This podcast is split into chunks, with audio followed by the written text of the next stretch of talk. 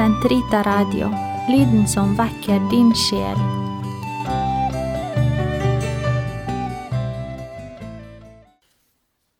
Den katolske kirkes katekisme på ett år.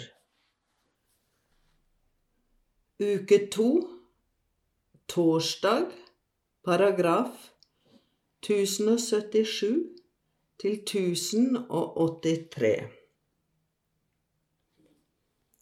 Første kapittel Påskemysteriet i kirkens tid. Første artikkel Liturgien er Den hellige treenighets verk. 1. Faderen liturgiens opphav og mål. Velsignet er Han, vår Herre Jesu Kristi Gud og Far. Gjennom Kristus har Han fra sin himmel velsignet oss med alle åndelige gaver. I ham har Han utvalgt oss før verdens grunnvoll ble lagt, til å stå hellige og plettfrie for Hans åsyn. I sin kjærlighet har Han fra, sin første, fra første ferd bestemt og fritt besluttet å gi oss en plass som sønner hos seg ved Jesus Kristus. Hans nådes herlighet, lov og pris, det nåde Han har skjenket oss gjennom Ham som Han har kjær. Efeserne 1, 3-6. Å velsigne er en guddommelig handling som gir liv, og hvor Faderen er opphavet. Hans velsignelse er på en og samme tid ord og gave, benedictio eulogia. Når mennesket velsigner, innebærer det innebærer uttrykket tilbedelse og hengivelse til Skaperen i takksigelse.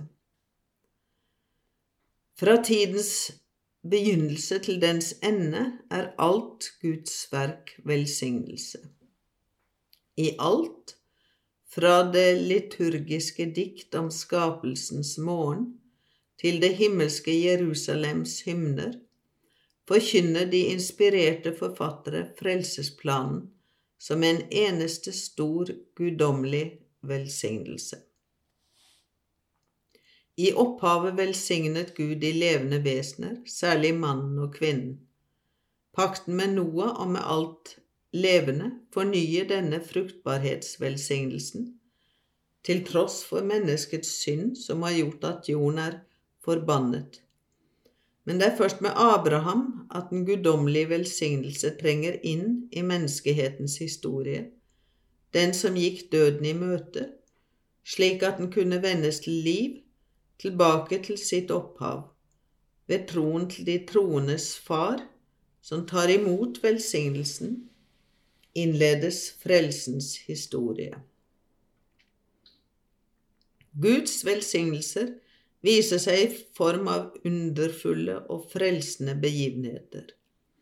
Isaks fødsel, utferden fra Egypt, påske og eksodus, overtagelsen av det lovede land, utvelgelsen av David, Guds nærvær i tempelet, den rensende landflyktighet og hjemkomsten til den lille rest, loven, profetene og salmene, som gjennomsyrer det utvalgte folks liturgi, minner om Guds velsignelser, samtidig som de besvarer dem med velsignelse, lovprisning og takksigelse.